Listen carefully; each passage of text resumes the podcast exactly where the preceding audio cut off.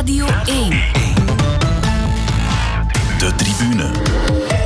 Tom van den Bulke.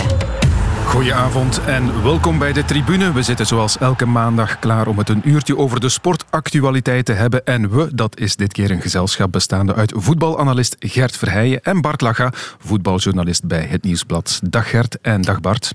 Tom, goedenavond. Het ligt redelijk voor de hand, denk ik, dat we vooral over voetbal zullen praten in deze uitzending. Maar hebben jullie ook naar de Ronde van Lombardije gekeken zaterdag? Gert? Helaas, nee. Nee.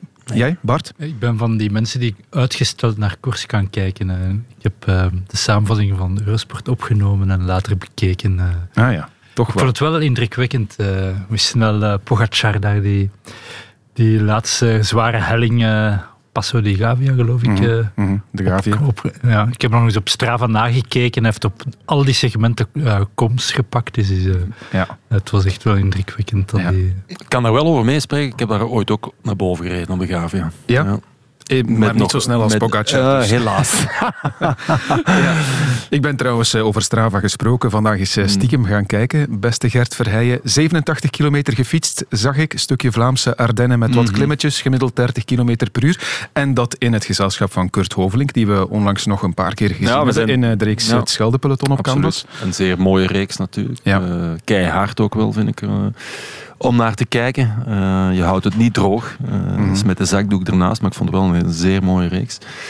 Ehm, goed, en Kurt woont... eh, wij in hetzelfde dorp. We wonen in Melsen alle twee. Dus, eh, en we waren eigenlijk nog nooit gaan fietsen. Omdat ik me nog nooit zeker genoeg heb gevoeld om met hem te gaan fietsen. En om enigszins te kunnen volgen. Ehm, maar goed... Vandaag hebben we dat gedaan. En, Ja. nee, dat is wel leuk om met iemand te fietsen die dat, die dat een stuk beter fietst natuurlijk. Hij fietst nog altijd hard. Hij, hij kan nog altijd heel hard fietsen, ja, Ja. maar hij houdt zich wel wat in. En dat stuk Vlaams Ardennen was wat ingehouden voor hem. Maar langs kanaal heeft hij toch doorgereden. Maar als hij dan in het wiel zit, dan eh, blijf ik daar toch wel in hangen. Dus, eh, nee, dat is wel leuk. ja. Ik ga jou geen eh, ongelijk geven. Bart, jij bent alweer met de fiets gesignaleerd op Kreta, zowaar. Ja, ik heb een poging gedaan, een heroïsche mountainbike poging gedaan daar in de bergen. He- Helaas eh, iets verkeerds gegeten. Eh, ik denk de avond Dat is geen flauw excuus, hè? Nee. Nee, nee, nee. Ik, ben, eh, ik was echt ziek op de fiets. Dus ik, heb, ik kon niet eten op de fiets. Ik, ik herinner me dat Greg van Avermaat onlangs ook een koers heeft gereden. Parijs-Roubaix. Parijs-Roubaix, waarin hij zei van ik kon niet eten. En nu En weet ik dus hoe dat voelt. uit wat hij wel probeerde te eten Ja. onderweg. Ja. Ja. Ja. Ik ga over mezelf niet in die details treden, maar ik kan wel zeggen dat cola, eh, ik zal dan het merk van cola niet noemen, maar echt Mhm. een ongelooflijk wonderbaarlijk product is waar je dus dan nog wel eh, toch aan duizend hoogtemeters kunt geraken, eh, Ja. puur en alleen maar op, op, op drank. Op karakter en op cola. Ja, zoiets was het. Oké. Genoeg over jullie fietsactiviteit. Ik stel voor dat we beginnen met de momenten van de week. We gaan beginnen bij jou, Bart. Geen voetbal, geen wielrennen, maar wel boksen. Out of the tunnel he comes, and now the crowd can see Deontay Wilder stepping forward towards the ring. But Wilder was really getting the better of it there. Another right hand. Oh! oh! There goes Wilder! Fury put it out with the right hand. Taking supernatural strength. Fury throwing the right hand. And oh! Wilder. And that's it. It's over. Russell Moore waves it off. He's not counting.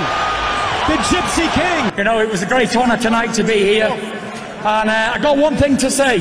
I was walking in Vegas. I was walking with my feet on the field.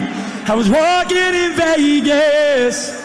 And do I really feel the way I feel?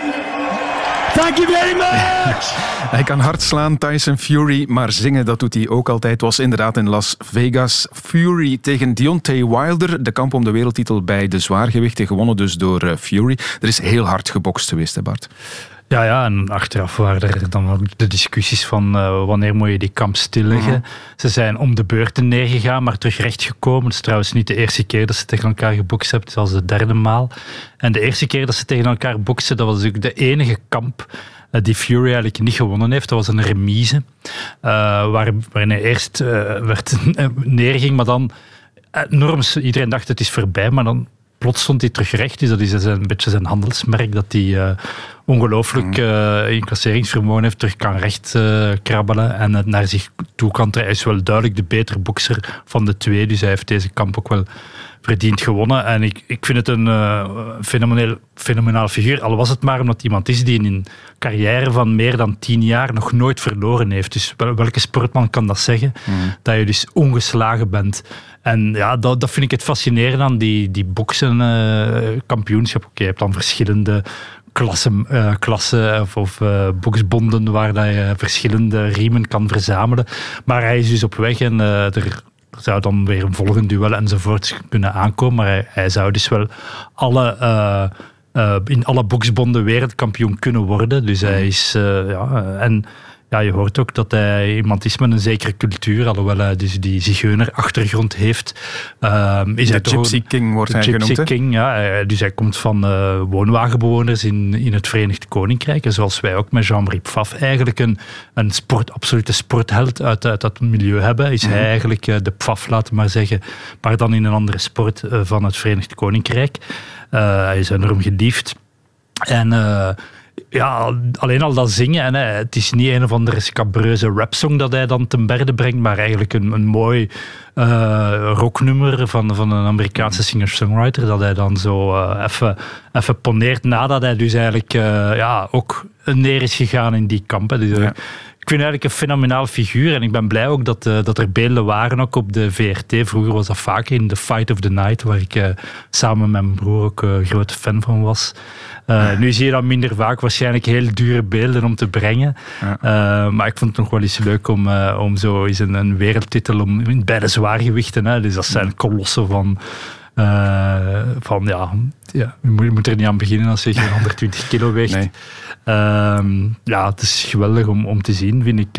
en natuurlijk, ja, het blijft een sport waar je vragen bij kan stellen. Van de ja, want Fury is twee keer neergegaan, Wilder drie keer. Ja. En ik, ik begrijp inderdaad dat er achteraf wel discussie was van wanneer stop je een kamp. Want die laatste map van Fury, waarmee hij Wilder KO slaat, ja, jij en ik staan nooit meer recht, denk ik. Nee, nee en, en dat is ook nu blijkbaar ook de vraag van, van gaat hier al dan niet blijvende schade aan overhouden? Dus ja, je speelt echt wel met levens. Van de andere kant is boksen ook wel een sport waar dus altijd een dokter aanwezig is die al zo lang wordt beoefend, waar die enorm streng gereglementeerd is. En er zijn ook andere sporten, eh, om, om voetbal of, of, of rugby of, of, of zelfs wielrennen maar te noemen, waar, waar, waar eigenlijk ook wel uh, ja, dat niet zonder gevaar is. En nee, maar waar, de, de, essentie van deze sport is nu wel eenmaal op mekaars hoofd slaan. Op ik weet niet wat die dokter daar komt doen. Ja. Ja. Uh, maar daarom is er een enorme bewustwording van de gevaren, denk ik, uh, bij aanwezigen. De, de vraag hier is, is heeft de dokter of heeft de scheidsrechter op het juiste moment ingegrepen. Maar natuurlijk, het is spektakel. Het is net zijn taak om pas in te grijpen op het moment dat het net niet te ver gaat. En je zoekt dus altijd per definitie die grens op natuurlijk. Dat, ja, dat is... Inderdaad, je, je hebt het nu ook in het voetbal vaker, hè? Gert, dat er, dat er een dokter moet oordelen na een mm -hmm kopduel bijvoorbeeld, ja. waarbij iemand neergegaan is. Hè, van, is dit nog verantwoord om door te gaan of niet? Ja, dat is waar. En vaak is dat moeilijk om dat uh, instant vast te stellen. Hè. En dan worden er een paar vragen gesteld en dan wordt er even gekeken. Maar ja, goed, dat is geen, uh, geen doeltreffend onderzoek, lijkt mij, mm. om dat om een, in één keer te kunnen zeggen van dit is nog te doen. Of, uh, ja. um, en de speler heeft altijd de neiging om er toch terug op te willen. En er zijn er weinig die dan het besef hebben van ja, nee, ja. beter niet. Zoals die boxers dat ook hebben. Komt later. Ja, natuurlijk. En, en uh, om naar Bart over wielrennen. Een wielrenner heeft dat ook. Hè. Je gaat keihard tegen de grond. Het eerste wat hij doet is een fiets pakken en, en verder rijden. Hè. Als het enigszins gaat, toch tenminste. Dus ja, maar per definitie zijn er vele sporten gevaarlijk. Hè. Is het iets voor jou, boksen? Uh, nee, eigenlijk niet. En ik ga je zeggen ook waarom. Omdat um, uh, ik heb een beetje probleem met sporten die door jurering uh, gebeuren. Hè, mm -hmm. Waar de winnaar wordt aangeduid met, met jurering. Dus ik heb liever dat ze hem inderdaad tegen de grond kloppen, dat hij niet meer recht staat. dat het duidelijk is. Dat het duidelijk is, ja. ja. Dat is ja. misschien lelijk om te zeggen, maar ja, ik heb dat liever dan dat je zo... Als je er niet genoeg van kent, ook niet, dan snapt je vaak ook niet ja, waarom dat nu -hmm. uh, speler A beter was dan speler B. Als er toch niks effectief gebeurd is. Ja. Ja. Je hebt het daarnet gezegd, Bart, hè, nog nooit verloren. Waar plaats je hem dan ergens in, in de geschiedenis van de boksport? Enig idee? Toch vrij bovenaan de lijstjes dan, denk ik. Hij, hij noemt zichzelf de beste bokser van deze generatie. En uh, ja, voorlopig heeft hij gelijk als hij on, ongeslagen is. Dus dat, dat, dat is, is, eigenlijk een, een, legende in wording. We zullen zien waar het dan strandt. Mm. Hij is genoemd naar uh, Iron Mike Tyson. Dus ook ja, de, de bokser toen ik zelf uh, ja, ja. dat boksen nogal volgde. en ja, um, hij zal dan hopelijk misschien voor hem in die rij thuis horen. Maar hij is een Brit, dus hij zit misschien in, wel in een andere traditie. Ehm, het boksen is echt ook heel groot in Groot-Brittannië. Dus ik, ik ben ook benieuwd hoe dat die sport verder gaat evolueren. Het zou kunnen dat hij een, uh, een, een wereldtitelgevecht tegen zijn landgenoot uh, Joshua moet doen. Maar er is ook nog een andere Oekraïner. Hmm. Um, die, die uh, kans maakt om te winnen.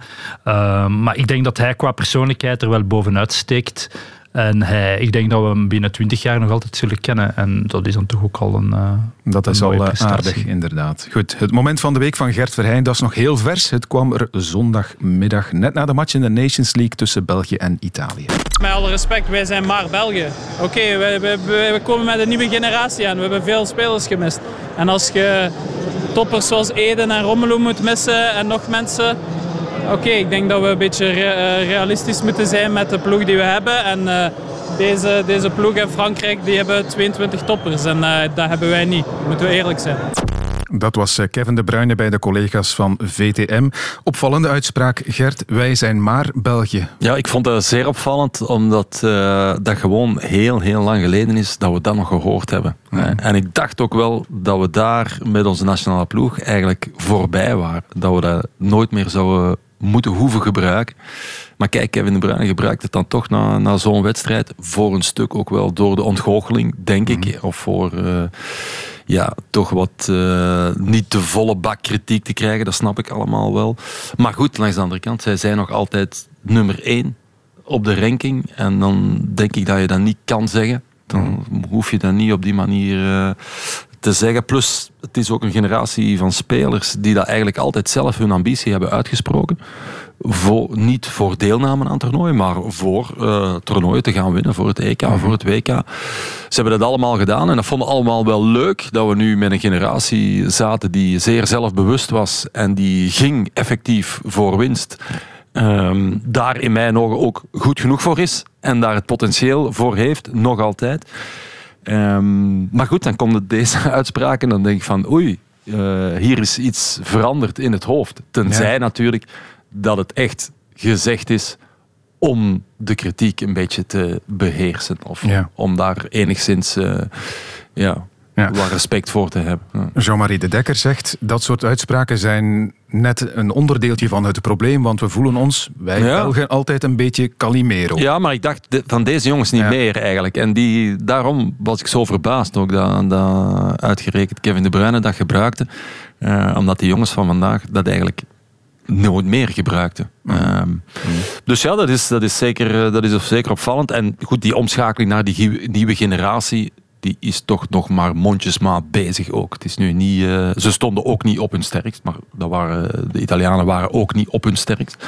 Dus ik ben het daar ook niet helemaal mee eens um, dat Italië alleen maar topspelers heeft of heeft opgesteld. Dat is niet zoveel beter uh, dan die van ons. Het waren trouwens wedstrijden die kort bij elkaar lagen. Ook die tegen Frankrijk. En daar blijf ik bij. Uh, die twee nederlagen, dat is natuurlijk zuur langs de ene kant. Maar het waren toch allemaal ja, bepaalde momenten die daar zo over beslist hebben. En dan denk ik vooral aan dat doelpunt van uh, Romelu Lukaku, die wordt afgekeurd voor buitenspel. Zeer nipt. Ja, als dat niet gebeurd was, was heel de, dat verhaal van die Final Four in die Nations League misschien totaal anders geweest. En ook de gesprekken achteraf. Mm Um, maar goed, het is altijd wat het is. Dat is altijd zo, want onlangs ja. hadden we het ook over het, het WK wielrennen. Mm -hmm. hè, over de hele tactiek van België, et cetera. Mm -hmm. Maar als Wout van Aert die dag net die superdag heeft, nee. dan maak je ook heel andere conclusies. Nee, en is, dit is hetzelfde eigenlijk. Het is altijd en de sport in het algemeen. Dat is een momentum dat je, dat je moet pakken. Oké, okay. en dat is vervelend natuurlijk als generatie, dat, dat het nu lijkt. En eigenlijk is het ook wel zo dat het te veel net niet wordt natuurlijk. Hè. En dat mm. is, uh, maar goed, dat die verwachtingen zo hoog zijn en van buitenaf en dat er dan kritiek is als het niet lukt, ja, dat is ook logisch. Dat is ook ergens waar, waarin wij allemaal zijn meegegaan omwille van hun talent. En daarom ben ik het ook niet eens dat we, dat we, zo, dat we terug maar België zijn geworden. We hebben nog altijd ongelooflijke topspelers. En ik weet wel, het gaat dan in eerste instantie over uh, Courtois, Lukaku, De Bruyne. En eigenlijk zou daar Eden Hazard ook nog altijd moeten bij zijn. Um, maar, maar die andere afschilderen als, als zijnde, dat zijn maar gewone voetballers. Ja, dat is eigenlijk die mannen ook tekort doen. En ik, ik ben een beetje bang. Ik zou als medespeler ook die reactie van Kevin De Bruyne op die manier Ja. interpreteren. Zo van, ja, wat vindt hij dan van ons? Ja. Ja. Ja. Dus ja, topspelers zijn we niet. Maar goed, er zijn er toch nog wel een heel deel bij die bij eh, heel goede ploegen spelen in Europa. Ja. Ehm, en goed, ik vind zelfs eh, de jongens die hier in België nog voetballen voor, eh voor Club Brugge en Anderlecht, ja, ik bedoel, zijn ook niet per definities maar, maar gewone voetballers. Het zijn wel de beste voetballers die, in ons land, die in ons land voetballen. Zo verkeerd is dat ook allemaal niet natuurlijk. Dus, nee, ik vond het een beetje, maar goed, kadert wel een beetje in de reacties die we van iedereen wel wat gehoord hebben. Eh, in die van Courtois dan over eh, geldgewin bij UEFA en FIFA en wedstrijden die hij liever niet wil spelen en zo. Dus het kadert allemaal wel, wel een beetje daarin, in de teleurstelling, denk ik dan. Ehm, die ook voor deze jongens misschien wel wat nieuw is. Want we zijn ook al die jaren heel hard meegegaan in het positivisme rond de Ja. nationale ploeg. Niet onterecht, want dat was allemaal... eh, Wat je zegt, hè, het was ook logisch, Nee. want ze hebben Ja. eh, de verwachtingen ook, hè, die hoge verwachtingen zelf uitgesproken. En ze hebben ze ook zelf gecreëerd door net zoveel goede wedstrijden te spelen. Ja, nee, dat is zeker zo. Dat, hebben ze, dat is allemaal hun werk en hun, eh, hun verdiensten geweest. Maar ik zeg het, ze moeten nog even wachten maar met nu eh, een stap terug te zetten en te denken van we zijn maar België. Dat is echt, is nog eh, een beetje te vroeg. niet zo. Als je het vergelijkt trouwens met, met andere, tussen aanhalingstekens, kleinere landen in oppervlakte en inwoners dan, zou je kunnen kijken naar Portugal. Mhm. Komt altijd bij Portugal noemen. terecht, Ja, voilà. Hè, minder Ja. inwoners dan België, Ja. maar wel al twee Ja. trofeeën in de, in de kast. En dan stel ik me de vraag, is, is de Belg genoeg winnaar? Want als je Nee. Mhm. kijkt naar het eh, Portugal dat prijzen gewonnen heeft, dat is het Portugal van Cristiano Ronaldo. Ja. En als je nu één winnaar hebt, is hij het wel. Ja, dat is waar. En eh, goed, ik spreek daar een beetje uit ervaring, omdat ik vijf jaar eh, bij de jeugd gewerkt heb, ook bij, bij de bond met nationale ploegen, U18 en U19. Eh, en ik moet zeggen, veel tegen Portugal gespeeld ook. Ja, Portugezen zijn overlevers. En het grote verschil daar, want ik heb ook eh, op bezoek geweest bij eh in eh jeugdacademie van de grote clubs in, in Portugal en ook bij de nationale ploeg, hoe dat zij werken. Het woord winnen, en dat, gaat daar, dat staat daar bovenaan. Dus iedereen heeft bepaalde principes. Elke academie zegt, dit, hier staan we voor en hier staan we voor. Bij hen is dat winnen. En winnen is geen vuil woord. Terwijl bij ons in de jeugdopleiding is winnen heel lang, nu is dat een beetje aan het veranderen, heel lang een vuil woord Ja. geweest. Hè. De, de moest, het moest, eh, eh, ze moesten vooruitgang boeken en ze moesten zich ontwikkelen. Voilà. En ze moesten evolueren. Maar, maar winnen, en zeker het winnen ten koste van alles, ja, dat, mocht, dat mocht niet gezegd worden. In jeugd Er is ook zelfs nog gediscussieerd over moeten we wel resultaten of moeten we wel rangschikking bijhouden in de jeugd. Is dat wel nodig? Eh, Ja, dus. Hè. Als je later wilt winnen, moeten we van jongs af aan beginnen winnen.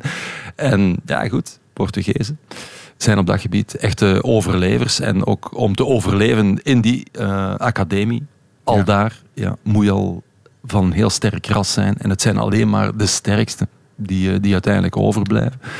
Eh, maar dat zit natuurlijk in de cultuur, in het DNA van een land. Ja, simpel. Kijk alleen al naar de Portugezen die in ons Belgisch voetbal actief waren de laatste decennia. Sergio Conceição, Sapinto, qua types, qua figuren dat dat zijn. Ik denk dat dat van, ja, die stralen dat uit. Hè. En dat is ook niet toevallig. Eh, inderdaad, zij waren ook deel van een heel succesvolle generatie eh, van Portugal. Nee, totaal terechte opmerking van Gert. En dat is denk ik het manco van deze generatie Rode Duivels. En, winnaars en leiderschap op moeilijke momenten in, in de wedstrijd. Ik denk dat dat ook eh, gebleken is. Maar goed, ik vind net dat je, dat je over deze generatie, ik vond dat zelfs, ja, dat is beter. Ja, wij, ik durf zeggen dat wij vroeger zo waren inderdaad. Maar ja, ik vond dat, dat, dat nu niet meer. Ik vind Courtois echt wel de winnaar. Lukaku is een absolute eh, winnaar. Zeker. Eh, ik vind dat van de Bruyne eigenlijk ook, ondanks zijn uitspraak nu. Ehm, dus ja, nee. Ik denk dat dat... Allee, daarom heb ik het ook genomen als moment, omdat ik, omdat ik vond en omdat ik dacht dat we dat, we dat stilaan achter ons hadden gelaten met deze, met deze jongens. Maar zie, op zo'n moment, na twee keer verliezen, komt dat dan toch plotseling weer terug. En dat is toch wel vreemd, ja. De tribune. Ja, het is dus niet gelukt met de Nations League. De trofeeënkast van de Rode Duivels blijft leeg na die vermalendijde wedstrijd tegen Frankrijk. Komt de voorzet Lukaku. Ja, Lukaku. Ho, ho, ho, ho. Op de tegenaanval. Romelu Lukaku op drie minuten van het einde. Als hij komt overen, kwam alles voor elkaar. Het is buitenspel. het is buitenspel. Als hij komt overen, was niemand de sigaar. Dat is gevaarlijk. Hernandez komt bij. Hernandez knalt en 3-2. Nu zijn het toch nog de Fransen. Komt overen, dan hielden alle mensen van elkaar. In Turijn zijn de Rode Duivels zo net begonnen aan de troostfinale van de Nations League voetbal tegen Italië. Een 2-1 nederlaag voor de Belgen. Maar goed, al te veel conclusies moeten we er niet uit trekken. Ja, we hebben wel een dreun gehad, hè, de Duivels. Hè, op dit moment. Eh, Die wedstrijd tegen Frankrijk eh, die was zeker niet leuk. En eh, nu is maar afwachten. Het is misschien wel het moment om zo nu en dan mensen zoals Charles de Ketelaar, er zijn er misschien nog anderen die zich binnenkort wel gaan aanmelden om die toch geleidelijk aan eens te integreren. Twee nederlagen zijn het dus geworden tegen Frankrijk en Italië. Gert, die goal van Lukaku, waarbij hij eerst de bal door zijn benen Ja, laat lopen. Ik, eh, ik las dat hij dat gepikt heeft van een zekere Gert Verheijen. Ja, ik deed dat vroeger ook wel eens, maar niet eigenlijk om naar het doel te gaan. Maar ja, ik was zoals je weet eh, vaak rechtsbuiten en ik kreeg dan vaak ballen aangespeeld van de rechtsachter. hè, Recht op recht, langs de zijlijn. Dus je kon, je kon maar heel weinig doen. Of je moest hem aannemen en naar binnen draaien. Maar ik liet die ook wel eens door mijn, eh, door mijn benen rollen. En als je dan geluk hebt dat de tegenstander, de linksachter, dus echt, echt tegen je rug plakte, zag hij de bal ook niet meer op het moment eh, dat hij achter mij stond. En dan had je vaak het geluk dat hij ook door de benen van de tegenstander rolde. Ja. En als je dan snel draaide, dan, dan was je weg. Dus ik deed dat ook wel eens. Ja. Ja, ja. Goed, eh, op dat moment, bij die 2-0, zitten we... Enfin, de Rode Duivels, bij wijze van spreken, op rozen. Het ziet er allemaal geweldig goed uit, maar dan uiteindelijk loopt het toch nog fout. 2-3 voor Frankrijk dus. Ja, ehm, wie legt er nog eens de vinger op de wonden? Waar is het nu precies fout gelopen? Want ik, ik las... Wie draait het mes nog eens in de wonde? Ja, of je kunt het ook zo zeggen. Ja. Eh, Want ik las eigenlijk dat jij de Belgen maar een kwartiertje goed vond Ja, ik vond dat wel. Ja. Ja. Ik vond dat wel. En daar wil ik niet mee zeggen dat het eerste half uur slecht was, maar het was niks speciaal. Ook van, de- van de Fransen niet. Ik vond het eerste half uur van die wedstrijd vond ik echt geen leuke wedstrijd om naar te kijken. Daar gebeurde maar amper iets in. Laat staan een doelpoging of een grote kans. Buiten die van de Bruyne na vier minuten. Helemaal in het begin van de match. Daarna een half uur niks. Ja, en dan scoor je eigenlijk ja, op je tweede kans de schot van Carrasco maak, je een goal. En kort daarachter nog eens Lukaku. eh, de derde kans, weer goal. En staat 2-0 voor. Dus wat ik zei daarnet. Dat is echt eh, moment pakken. Momentum. Daar absoluut in het voordeel van België. En ze hebben dan een kwartier ook wel heel, heel goed eh ballen gerecupereerd die ze verloren op de helft van Frankrijk. Waar ze het onmiddellijk terug kort op zaten en terug gerecupereerden. Dat hebben ze zeer goed gedaan. Maar dat was in mijn ogen maar echt wel maar een kwartier. Dus heel die perceptie van die eerste helft verandert omdat je die twee goals maakt net voor rust eigenlijk. Ja. Ehm, maar ik vond dat in zijn geheel niet zo speciaal. De wedstrijd in zijn geheel niet. Ook dus van de Fransen niet. hè. Ja, met alle ervaring, Bart, die de Rode Duivels intussen hebben, mochten we daar niet, tussen aanhalingstekens alweer, gewoon verwachten dat ze het uitspeelden tegen Frankrijk? Sowieso een 2-0 voorstaan in, in, in zo'n wedstrijd moet je verwachten dat ze dat, dat kunnen uitspelen, absoluut. En er is vroeger heel vaak gezegd, ehm, ja, deze jonge ploeg heeft ervaring nodig. En nu zijn ze eindelijk zover, maar je ziet dat ze het nog altijd niet naar zich toe kunnen trekken. Ehm, ik denk dat dat ook een van de mythes is. Hè. Er zijn heel veel mythes verteld geweest over deze generatie Rode Duivels eh, sinds ze zijn opgekomen. En een van die mythes was van ja, eh, we hebben ervaring nodig in die grote toernooien om echt eh, prijzen te kunnen pakken. En nu zie je dat jonge ploegen al- als Italië en Spanje eh, ja, ze, langs eh, recht voorbij steken. Ehm, ik denk dat het ja, de waarheid is dat het één ja, het is gewoon ook niet, niet makkelijk om, om, om, om die prijzen te pakken. Hè. Dus misschien bedoelde Kevin De Bruyne dat wel, van ja, we zijn maar België, maar, maar één van de kandidaten. Ik heb ons ook nooit als topfavoriet gezien voor één van die toernooien die we gespeeld hebben. Ehm, ik, ik denk dat dat een, eh, een hele belangrijke zaak is. En dan ten tweede dat wat dan de generatie van 86 eh, te over had. Hè, en, eh, iets meer mentaliteit en, en, eh, en op resultaat, eh, resultaat vasthoudend kunnen spelen. Dat dit iets minder in deze ploeg zit, wat geen schande is. Hè. Ik bedoel, dat is, eh, ja oké, eh, kan dat jammer vinden dat ze een, een surplus aan talent niet kunnen omzetten in, in, in sprekende resultaten. Maar dat is ook een kwaliteit van een speler om, om, eh, om, om, ja, om eh, gewoon kop ervoor. En, en ze hebben geen antwoord mee gehad op die druk van de Fransen in de tweede helft. Ehm, terwijl gisteravond vond ik het dan wel heel knap hoe Spanje eh, wel onder die druk kon uitvoetballen. Stop. Eh, dat, kon, dat kon België niet. Eh, misschien dat we daar zelfs ook technisch op dat moment ook niet toe in staat Voilà. waren. Nee, dat is, Eh, pure, de pure kwaliteit aan de bal. En, en, dan, en dan denk ik, dan moet je zeggen, inderdaad, we zijn maar België in de context van.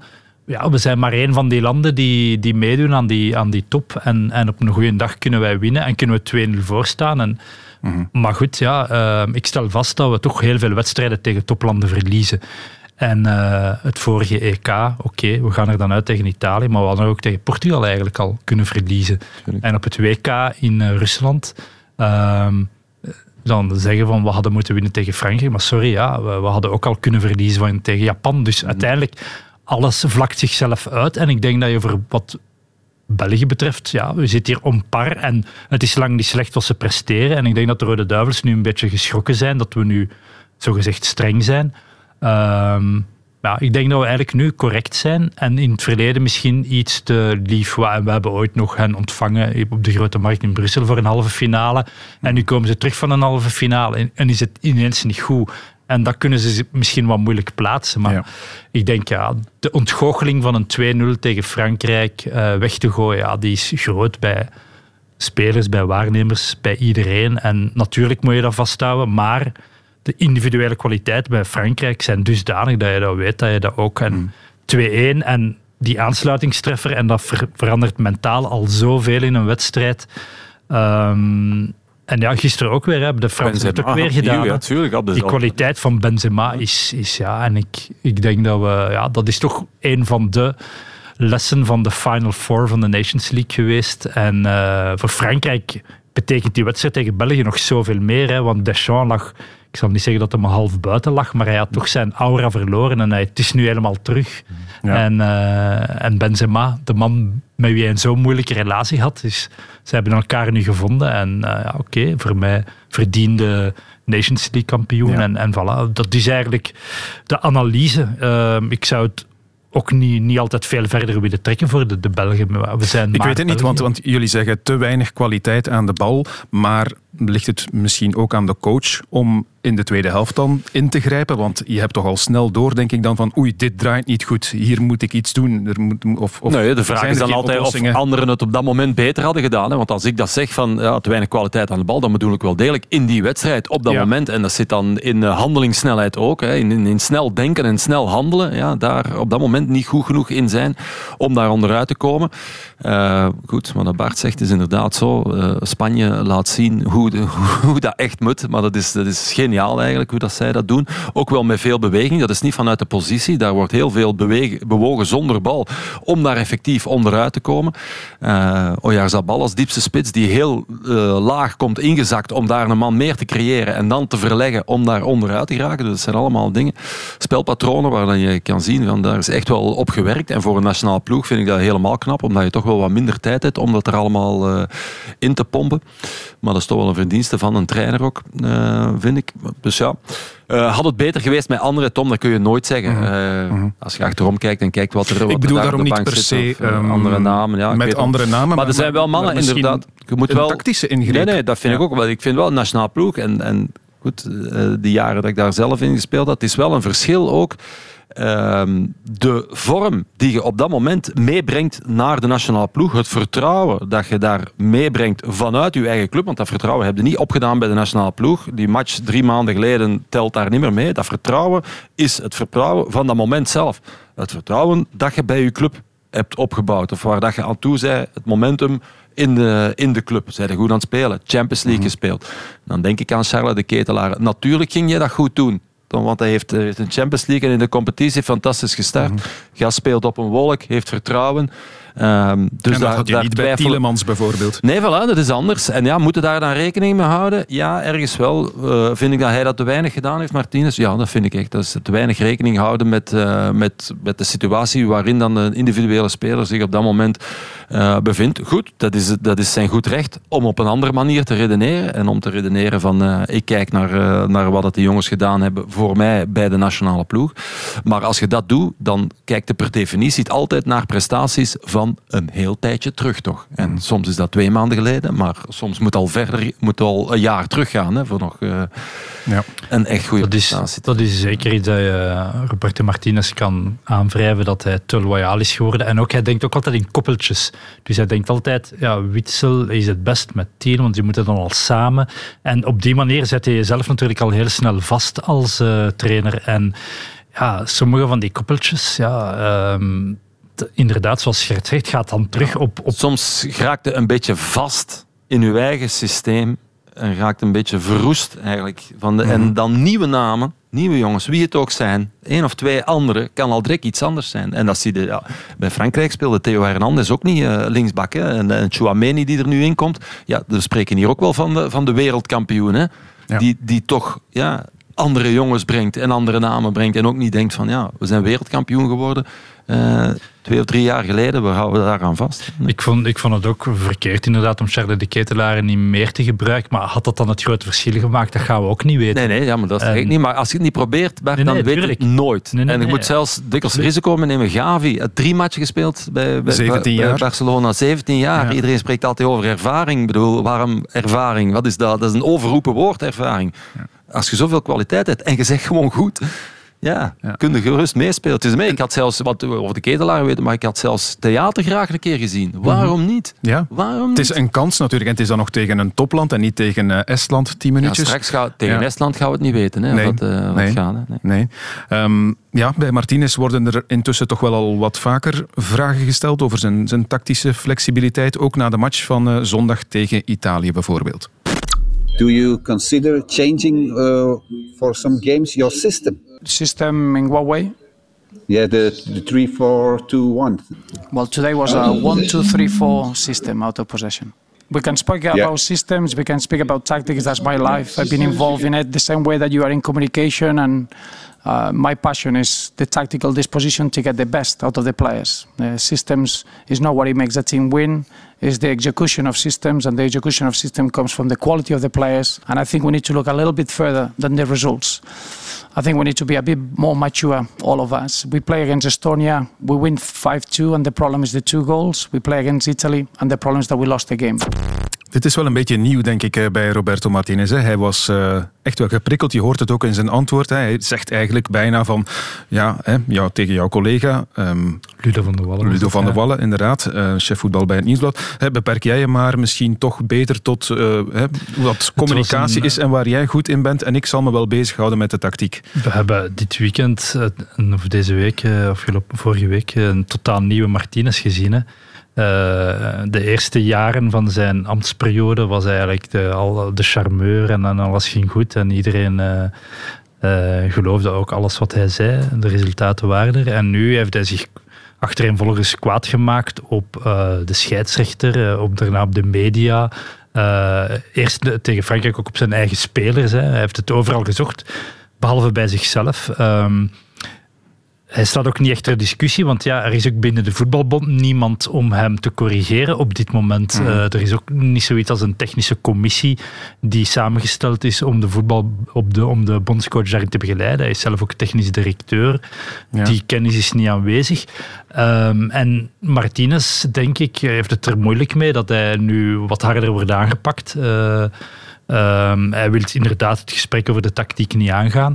Ehm, het minste wat je kan zeggen is de tactische flexibiliteit in de wedstrijd om te durven ingrijpen. Ik kan mij niet, geen enkele ingreep van Martinez zo spontaan voor de geest halen. Misschien kan Gert daarbij helpen. In een wedstrijd met inzet die de wedstrijd volledig heeft doen kan. Eh, tegen Brazilië, maar dat was al van bij de aftrap waar ja. Lukaku meer van de rechterkant van kwam. de Zo, dat was ja. eerder verrast. Dat hebben ze daar later ook nog wel eens een keer gedaan. Ja. Maar goed, het is altijd gevaarlijk als journalist, vind ik, om, eh, om te beginnen discussiëren over veldbezettingen en over tactiek met coaches. We hebben dat met Van Gaal onlangs ook nog gezien. Ja, je je kunt dat nooit niet winnen. Hè, omdat, omdat, omdat coaches dan ook al snel overgaan eh, naar bepaalde opmerkingen. Waar, als je dat zonder beeld, zonder beeld over tactiek beginnen discussiëren, Tom, dat, dat haalt niks uit. Nee, want nee. niemand weet op den duur nog waar dat over aan het spreken bent. Eh, drie, vier, vijf, niemand weet nog eh, wat er effectief gezegd wordt. En natuurlijk is er altijd een bepaalde animatie en dat gaat vaak over een speler vijf meter hoger, vijf meter lager, tien meter meer naar links, tien meter meer naar rechts. Kun je eventueel al spreken over een andere veldbezetting. Ik vind ook dat dat, dat, dat uiteindelijk bijzaak is. In mijn ogen is dat ook een manier om wedstrijden te winnen. Nooit de reden waarom dat je wedstrijden wint. Het is altijd uitvoering en de kwaliteit aan de bal die daarover zal beslissen. En nog veel meer dan dat, wat dat je doet in je 16 meters. Alles wat tussen 16 meters gebeurt, is van minder groot belang als wat je doet in je eigen 16 meter en in de 16 meter van een tegenstander. En dan praat over efficiëntie. Ja, zijn geprikkeldheid komt misschien ook vanuit de ontgoocheling. Hè, want dit was wel een kans om misschien dan eindelijk Ja. toch eens een trofee te winnen. Je speelt tegen die toplanden, je wilt bewijzen, je wilt tonen van ja, wij kunnen echt wel winnen van toplanden. En dan gebeurt het weer twee keer Maar ook niet. wat dat Bart zei over de verandering, hè, over de publieke opinie die Ja. veranderd is. En dan nog eens, nie, van niemand, ik denk dat van niemand van de journalisten, eh, Bart gaat het misschien beter weten, moet Martinez weg. Er is niemand Mm. die zegt of die vindt dat hij weg moet. Hè. Helemaal niet. Eh, maar we mogen toch nog wel eens een opmerking maken, of niet? Hij heeft, hij, heeft een, hij heeft een gelijkaardige periode doorgemaakt bij Everton, waar hij dus ook in zijn beginperiode eigenlijk ja, heel lange witte broodsweken had. En dat is dan op een bepaald moment afgebrokkeld. En hij heeft eigenlijk een hele zure relatie ontwikkeld met de pers daar. Ehm, en bij België had hij zich dan volledig herpakt. Het helpt natuurlijk ook dat er niet zoveel wedstrijden zijn. Hè. Dus eh, eh, er komt dan altijd... eh, we staan ook op nummer 1 enzovoort van de, van de FIFA-ranglijst. Ehm, maar nu zie je inderdaad zo weer diezelfde... Ja, Martinez, die toch soms giftig uit de hoek kan komen ook. Maar goed, ja, laten we maar zeggen voor de media, het draagt bij tot het eh, spektakel rond, rond die nationale ploeg. Dat Dus vind ik ook. Er mag wel wat meer leven in zitten. in, eh, in, in Nederland is, het, is dat ook trouwens de enige reden dat die discussies met Louis van Gaal, Louis van Gaal pardon, bestaan, is net om leven in de brouwerij te brengen. Dus eh, laten we ja, misschien de boel wat beetje opjutten en hopelijk dat er in Qatar dan toch nog iets onverwachts uitkomt. Al moet ik er meteen Ja. aan toevoegen, ehm, ik heb eens nagekeken, er zijn toch nog altijd maar een vijftal Europese landen die ooit wereldkampioen zijn geworden. Eh, dus eh, ja, toch Maar meestal, wij zijn allemaal vrienden en het is gezellig met elkaar. Dat eh, werkt meestal niet. Daar winnen meestal niks mee. En ook we moesten teruggaan naar iedereen die ooit wereldkampioen of, of Europees kampioen is geworden. Wat daar onderweg allemaal is gebeurd. Vaak op zo'n toernooi. Aan ambras en discussie met pers. Ja, dat is ook altijd zo. Niemand wordt, niemand wordt ja, om, vrienden onder elkaar wereldkampioen of Europees kampioen. Dat gebeurt gewoon niet. alleen kunt Denemarken in ja. 1992. Ja, dat is, Ja, waar, dat is waar. dat is waar. Die kwamen van het strand en eh, wonnen Ja, de titel, dat is inderdaad. waar. Iedereen blij. Ja. Ja. Je kunt nu inderdaad gaan zeggen, goh ja, het was maar de Nations League. Maar anderzijds blijf je nu wel weer een beetje met die vraag toch zitten van wat als we straks in Qatar weer in die kwartfinales komen en we komen weer uit tegen, ik zeg maar wat, Spanje, Argentinië, een topland. Ja, die vraag is er eigenlijk alleen maar groter op geworden toch na deze Nations League. Kunnen we het nog? Of... Ik zou zeggen, om te beginnen, Doku en de ketelaren al eh, opstellen. Want dat waren eigenlijk onze... eh, ja, dat, zijn, ik, ik geloof wel echt sterk in die twee spelers eh, die zich toch hebben laten zien in, in de laatste Doku dan tegen, op het EK tegen Mhm. Italië. Mhm. En de ketelaren, eh, toch wel een hele, sterke invalbeurt. Ehm, en ja, geloven dat het kan. Hè. Ehm, geloven dat we toch België zijn en, en, en toch die nummer 1 staan. En, eh, Maar is dat geloof er nog echt? Want dat vroeg eh, Yannick Carrasco met zoveel woorden zelf aan de journalisten op de persconferentie. Hij vroeg eigenlijk letterlijk, geloven jullie nog in ons? We komen onmiddellijk na die teleurstelling. Ik kan je op een blaadje geven, als we weer naar een toernooi gaan, dan, dan wanen we ons weer al in die richting die, die kwartfinale, halve finale, finale. Die, Mhm. Dat daar wel, maar dat is nog iets anders dan het allerhoogste natuurlijk. Ja, maar goed, eh, de, de, de doelstellingen, doelstellingen zullen worden eh, aangepast. En ik denk niet dat dat slecht is, want uiteindelijk, echt, ik heb ons nooit echt als de grote toernooifavoriet gezien. En eh, misschien dat we nu vanuit een iets Ook betere... niet bij het laatste EK, want ja, daar werd toch vooral over België gesproken. Ja, maar vanuit Met het Frankrijk. buitenland heeft dat ook lang geduurd hoor. Eer dat ze ons daar tussen zetten, tussen de absolute favorieten. Mhm. Ik denk dat ze dat ook maar, eh, en nu misschien ook niet meer natuurlijk. Ja. Op het EK was het ook maar helemaal op het einde eigenlijk. Maar ik vind afgaande op de wedstrijden, ik vind, het zijn gewoon wedstrijden, affiches, eh, die eh, wedstrijden die ja, ik kan verliezen. Ik kan verliezen van Frankrijk, ik kan verliezen tegen Italië. Dat verschil in die wedstrijden was echt niet zo groot. Dus eh, dat had ook anders kunnen zijn. Die eindresultaten hadden anders kunnen zijn. Dus op dat gebied denk ik niet dat je echt hoeft te, te panikeren. Het is alleen... Er worden altijd conclusies getrokken. En bijvoorbeeld na zo'n wedstrijd tegen, tegen Portugal, waarin dat je ook heel de tweede helft alleen maar verdedigt, maar je krijgt er geen binnen. Dus je houdt een 1-0 vast. En dan is de conclusie, kijk, we kunnen verdedigen op eigen 16 meter, want het is gelukt, we hebben de nul gehouden.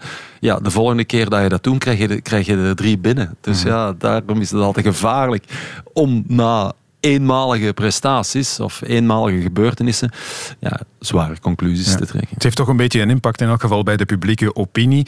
Um, er stond een poll op sporza.be. Bijna 20.000 mensen hebben gestemd en 60% of meer zelfs uh, gelooft niet meer in een, in een titel voor deze generatie. Maar dat is zo en dat, dat, uh, dat is moeilijk om dat te doen keren. Hè. Daar heb je weer heel wat wedstrijden voor nodig om dat, uh, om dat terug aan te wakkeren. En deze Nations League had ideaal geweest daarvoor, wat, wat Frankrijk eigenlijk gedaan heeft, na hun mislukt EK toch ook wel die hebben, dat, die hebben dat met deze Nations League gekeerd, die publieke ja. opinie. En wij hebben dat niet gedaan, in tegendeel. Het is nog ja. een, eh, een duwke bijgekregen, ja. denk ik. Ik kom nog even terug graag op uh, Charles, de Ketelaere. Bart, jij zegt, uh, ik zie in hem een zekere toekomstige basisspeler. Dan even over naar de coach en analist. Uh, of toch nog een klein beetje coach? Nee, nee, dat, dat mogen we weglaten. Oké, okay, analist dan Gert Vrijen.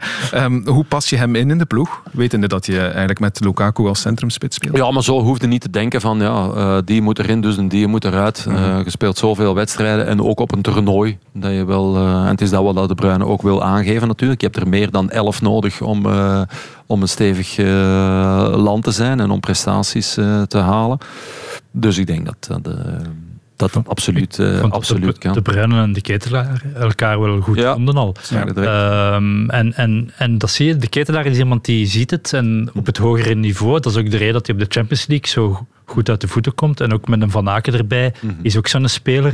Mm -hmm. uh, en dan zag je dat Van Aken bijvoorbeeld samen met uh, Batshuayi, Salemakers, ging dat al wat lastiger. Um, maar hij is wel met de bruine en de ketelaar erbij op. Dat gaf ineens een enorme kwaliteit. Maar daarom dat ik ook zeg, maar gewoon iets nieuws brengen. En je ziet dat ook aan, aan de bruine. Ja, die vond dat wel leuk om met de ketelaar een keer te spelen, denk ik. Ook al was dat dan maar, maar heel even en op het einde van een wedstrijd. Ook nog altijd verschil. Daarom ook conclusies. Uh, altijd makkelijker invallen in zo'n wedstrijd op, ja. laatst, op het moment dat het al 2-0 staat. Uh, dan dat je moet beginnen aan een wedstrijd. Ja. En dat, als, uh, als Charles nog wedstrijden gaat spelen, ja. daar, gaat ook, daar gaan ook wel slechte, slechte matchen tussen zitten. Wij, we hebben niet zoveel goede linkervoeten aanvallend dan. Uh, Januzaj was zo iemand, maar sinds Januzaj een beetje van het achterplan verdwenen is, ja, is toch echt wel iemand die op mm. korte termijn voor mij daar echt een basisplaats kan claimen. Ja, aanvallend zit het nog altijd goed. De Belgen scoren ook altijd. Wat was het, 40 wedstrijden op rij nu al. Maar als we kijken naar de verdediging, is daar ja, ook een min of meer nieuw probleem gerezen. Want er worden wel doelpunten geslikt. Wat waren er? Twee tegen Estland, drie tegen Frankrijk, hmm. nu weer twee tegen Italië. Ja, het, het, idee is ontstaan dat we, dat we geen druk niet meer kunnen zetten, omdat, uh, ja, omdat onze verdediger, uh, verdedigers te oud zijn geworden en dan uh, per definitie ook ineens niet meer snel genoeg zijn. Dus dat kunnen we zo gezegd niet meer. maar goed, als je dat niet meer kunt, en deze Nations League Final Four heeft dat nog eens bewezen, als je ziet wat dat, wat dat uiteindelijk Frankrijk doet in de tweede helft dan tegen ons. En ook wel tegen Spanje. Of toch geprobeerd heeft tegen Spanje. Maar dat was moeilijk om, uh, om goed uit te voeren omdat Spanje zo goed was. Maar ook wat als Spanje doet. Als je het hebt over pressing en over druk. Ja, sorry, die staan met hun verdedigers op de middenlijn, hè, Tom. Ja, dat, mm -hmm. is, dat, dat, is toch wel... Ja, daar moet het toch naartoe. Mm -hmm. niet, niet andersom, hè. Je moet niet, uh, niet op een eigen baklijn gaan staan. Ik denk niet dat je... En ik weet niet of dat, of dat onze verdedigers dat ook zo leuk vinden eigenlijk. Want je moet wel altijd uh, beginnen van, van, van onderaan en van op je baklijn ook. Hè, als je een bal afpakt. Hè. Dat is mm. toch wel minder leuk dan, dan echt kunnen doorduwen op een tegenstander. Ik weet dat niet. Hè. Ik was wel gecharmeerd door Jason Denayer uh, in het verleden al wel wat twijfels over, maar ik vond dat hij het nu echt wel, wel goed gedaan heeft. Dus ik allee, bedoel... Het is waar ja. dat we met Vincent Company natuurlijk een gigantische leidersfiguur daar kwijt zijn, maar uh, ik denk dat we nog zeker een verdediging hebben om uh, iets te mogen ambiëren mm -hmm. um, op, op, op uh, middellange termijn. Ja, want voor alle duidelijkheid, hè, er wordt nu ook al eens verwezen naar de tijd van uh, 10, 15 jaar geleden, toen het inderdaad uh, qua kwaliteit in de nationale ploeg toch minder was. Maar opnieuw mm, daar naartoe zullen we toch niet meteen gaan, denk ik. Nee, dat denk ik ook. Als ik, uh, Met als, alle respect voor de generatie uh, nee, van nee, natuurlijk. Dat, dat, ik snap ja. Maar je mocht dat zeggen ook, daar heb ik geen ja. probleem mee. En dat was ook, dat is gewoon de realiteit uh, mm. geweest. En daarom ook, ik ben blij dat we daar, dat we daar eigenlijk vanaf zijn. Als je kijkt naar uh, wat onze jeugdploegen doen, uh, qua resultaten ook en qua prestaties, dan, uh, dan denk ik dat we, dat we daar niet meer terug in, in terecht gaan komen. Dat we echt wel, echt wel beter gaan blijven. Maar natuurlijk, en dat is wat de Bruinen ook wil aangeven, ik snap het allemaal wel, je hebt in zo'n, in zo'n generatie of in zo'n ploeg ja, drie of vier absolute toppers nodig. Dat is nog een verschil tussen gewoon spelers van goede kwaliteit. Je hebt een paar uitzonderlijke talenten nodig. Uh, of dat die daarbij zitten en zullen blijven aangeleverd worden, dat is iets anders. Ja. De Nations League zit erop en Thibaut Courtois zal er niet trouwig om zijn, denk ik. Hij heeft eh, scherp gereageerd toen hij voor de microfoon van Sky Sports passeerde. This game is just a money game and we have to be honest about it. This game uh, we just play it because for the UEFA it's extra money and it's an extra game on TV. You know, for us, okay, it's a good game because it's against Italy, and for Italy it's a good game because it's against Belgium. They can be angry about other teams and wanting super leagues and everything, but they don't care about the players. They just care about their pockets, and that's uh, that's a bad thing uh, if if players uh, are not not spoken about, you know. And then you hear that now they want to. Uh, put a European Championship and a World Cup every year. Like when when will we get a rest? Never. So in the end, only top players will get injured and injured and injured, and then uh, that's the end of it, you know. Thibaut Courtois, voilà, we speelden deze wedstrijd alleen maar omdat de UEFA zijn zakken zou kunnen vullen. Wij krijgen nooit eens rust. Heeft hij een punt of niet? Er is zeker een punt te maken over de, ja, de, de kalender die, die veel te vol zit. En het zal alleen nog maar verergeren, want uh, de FIFA wil nu om de twee jaar een wereldkampioenschap organiseren, want die zien hoeveel de UEFA verdient, omdat de UEFA heeft en het EK en de Nations League en de Champions League. En de FIFA denkt, ja maar ja, wij hebben alleen maar ons WK om de vier jaar. Wij zouden eigenlijk ook wel eens een toernooitje extra willen doen. Dus die druk die, die zal er altijd zijn. Maar laat ons wel wezen, ja, ik bedoel, um, ja, zij zijn profvoetballers, zij, zij, zij, zij doen hun job. En uh, als alles via de, binnen de medische uh, kaders of richtlijnen mm. gebeuren, dan, uh, ja, bedoel, er is, ik denk dat uh, Thibaut Courtois niet zo gesproken had als België had gewonnen in de halve finale en hij de finale had mogen spelen, dan was dat met veel plezier uh, gebeurd, denk ik. Hè. Dus ja. het, het, geeft toch ook kansen. Het plaatst hen ook in die positie om er ook zelf veel geld aan te verdienen. Um, dus zeker, ja, hij kan een punt maken over ja, de Uiteraard gaat er veel geld om in het voetballen. Maar uh, ja, het is natuurlijk een beetje een selectieve analyse om dat op, dat, op dit op deze manier te doen. Wat denk jij, Gert? Nee, absoluut. En uh, dat ze te veel wedstrijden spelen, dat vind ik al lang. Dat daar uh, alleen UEFA en FIFA voor verantwoordelijkheid, uh, verantwoordelijk is, voor is, dat vind ik absoluut niet. Dat zijn competitieformats en hebben, daar ook, hebben daar ook boter op het hoofd.